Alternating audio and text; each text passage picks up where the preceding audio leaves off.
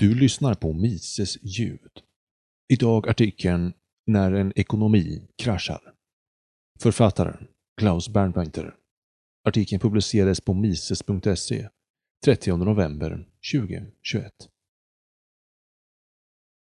Vi som levt i Västeuropa efter kriget har aldrig upplevt ett ekonomiskt kaos av samma dignitet som pågår just nu.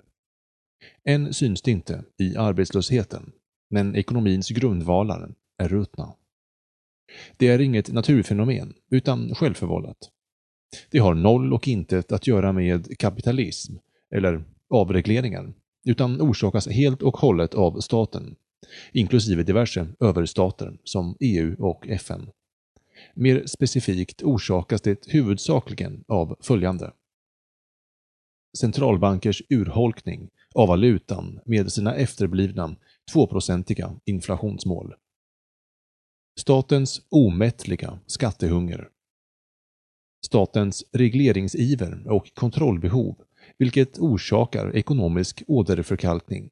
Sabotaget av ekonomin med de meningslösa covid-restriktionerna, vilket är ett skott i knäna på vår högspecialiserade globala just-in-time-ekonomi.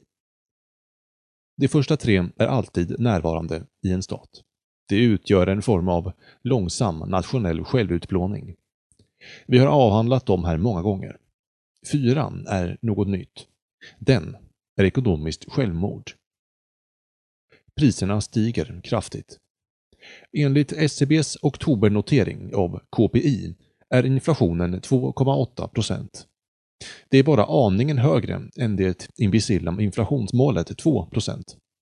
Riksbanken är med andra ord rätt nöjd med inflationen i nuläget. Det är uppenbart att folkets väl och Riksbankens intressen är väsensskilda. Ignorera SCBs prisinflationsberäkningar. Det är index som konstruerats för att visa för lågt genom att utesluta varor där priserna stiger för att kunna motivera fortsatt pungslagning av landets arbetare genom penningmängdsexpansion. Bättre är att se vad som händer med priserna i butikerna, drivmedelspriserna på macken, värdet på ditt hus, utvecklingen av börsindex och inte minst elpriset. Överheten försöker tuta i oss att inflationen inte är så hög, men om den ändå är för hög är det sannolikt övergående. Eller så beror det på plötsligt ökad efterfrågan efter att restriktionerna tillfälligt släpptes. Eller beror den på covid, särskilt för att de ovaccinerade envist fortsätter smitta de vaccinerade? SVT förklarade det höga elpriset med att vi har en fri marknad där alla köper och säljer hela tiden. Budskapet är att inflationen är i vilket fall inte överhetens fel, utan undersåtarnas. Priser påverkas av flera faktorer. En är Riksbankens lågräntepolitik som verkställs med sedelpressen och därmed orsakar en ständigt prispress uppåt. En annan är utbud och efterfrågan. Visst kan det ha blivit en viss ökad efterfrågan efter att undersåtarna släpptes ut och därmed en prispress uppåt.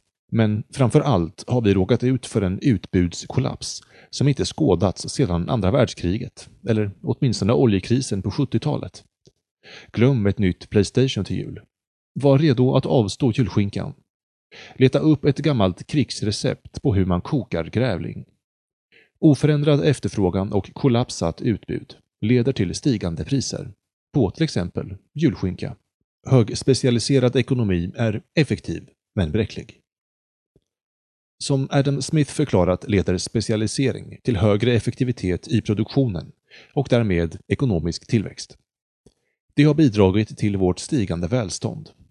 Istället för att alla datorspelstillverkare tillverkar sina egna processorer köper de från samma högeffektiva fabrik i Kina, billigt. För att slippa binda pengar i att hålla lager av processorer köper man dem dessutom just in time. Det vill säga, de levereras och installeras i samma takt som datorspelen byggs. Allt detta fungerar så länge det inte finns några större störningar i systemet. Men den dag politikerna får för sig om att jaga virus genom att kapa alla leveranskedjor smäller det. Då uppstår brister och priserna skjuter i höjden. Vi ser det på priset på olja, blodet i den globala ekonomins transportsystem, Vi ser det på trä, metaller och alla råvaror. Om det dessutom sammanfaller med kallt väder efter att överheten fått för sig om att jaga koldioxid med väderkvarnar, ja, då har vi något som liknar en perfekt storm i antågande. Ekonomin byggs upp från botten, kollapsar från toppen. En gång i tiden bestod ekonomin mest av det livsnödvändiga. Mat, kläder och tak över huvudet. Varefter jordbruket mekaniserades frigjordes arbetskraft till industrialiseringen för att börja tillverka onödiga produkter och lyxvaror som bilar, cyklar och grävmaskiner. I takt med att produktionen effektiviserades, även här, frigjordes arbetskraft till att tillverka telefoner, mobiltelefoner och datorer. När det även frigjordes arbetskraft i den produktionen fick vi råd med influencers, framtidsministrar, klimatkorrespondenter och genusambassadörer. Man kan se ekonomin som en masklovsk produktionspyramid med mat, kläder och tak över huvudet i botten och allt onödigare saker högre upp mot toppen. Varefter ekonomin utvecklats genom specialisering och investeringar blir pyramiden allt högre. När så härskarna slår undan fötterna på samhället rasar pyramiden från toppen. Mat behöver man alltid. Däremot upptäcker företagen fort att de kan avskeda hela HR, marknads woke-avdelningen utan märkbart vinstbortfall. Förbered dig. Fundera över var i pyramiden du står. Bönderna överlever alltid. Det är dit man flyr när det blir kris. Det är tyvärr också så att man får sin egendom konfiskerad och tvingas sälja till underpris när det blir kris. Men på det stora hela klarar landsbygden sig väl genom kriser. Förutom att de producerar mat som alltid behövs tenderar de att ha värdefulla praktiska kunskaper och därmed goda möjligheter att klara sig i svåra tider. Med genusvetaren och influensen är det värre ställt. Förutom att de ryker först tenderar de ha väldigt specialiserade kunskaper, som inte alltid är till stor nytta i en krissituation.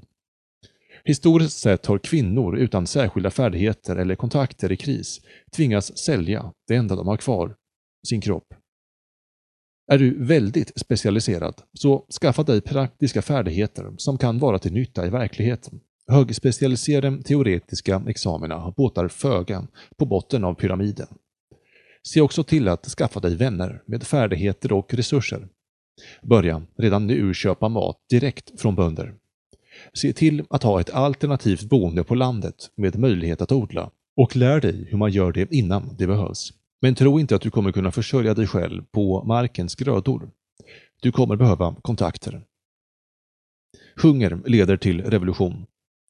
Det ligger ett stort mått av övermod bakom överherrarnas manipulationer. Den som har läst sin historia vet att hungriga människor är farliga. När man befinner sig högt upp i pyramiden har man hög fallhöjd och mycket att riskera på att ta till handgripligheter mot regimen.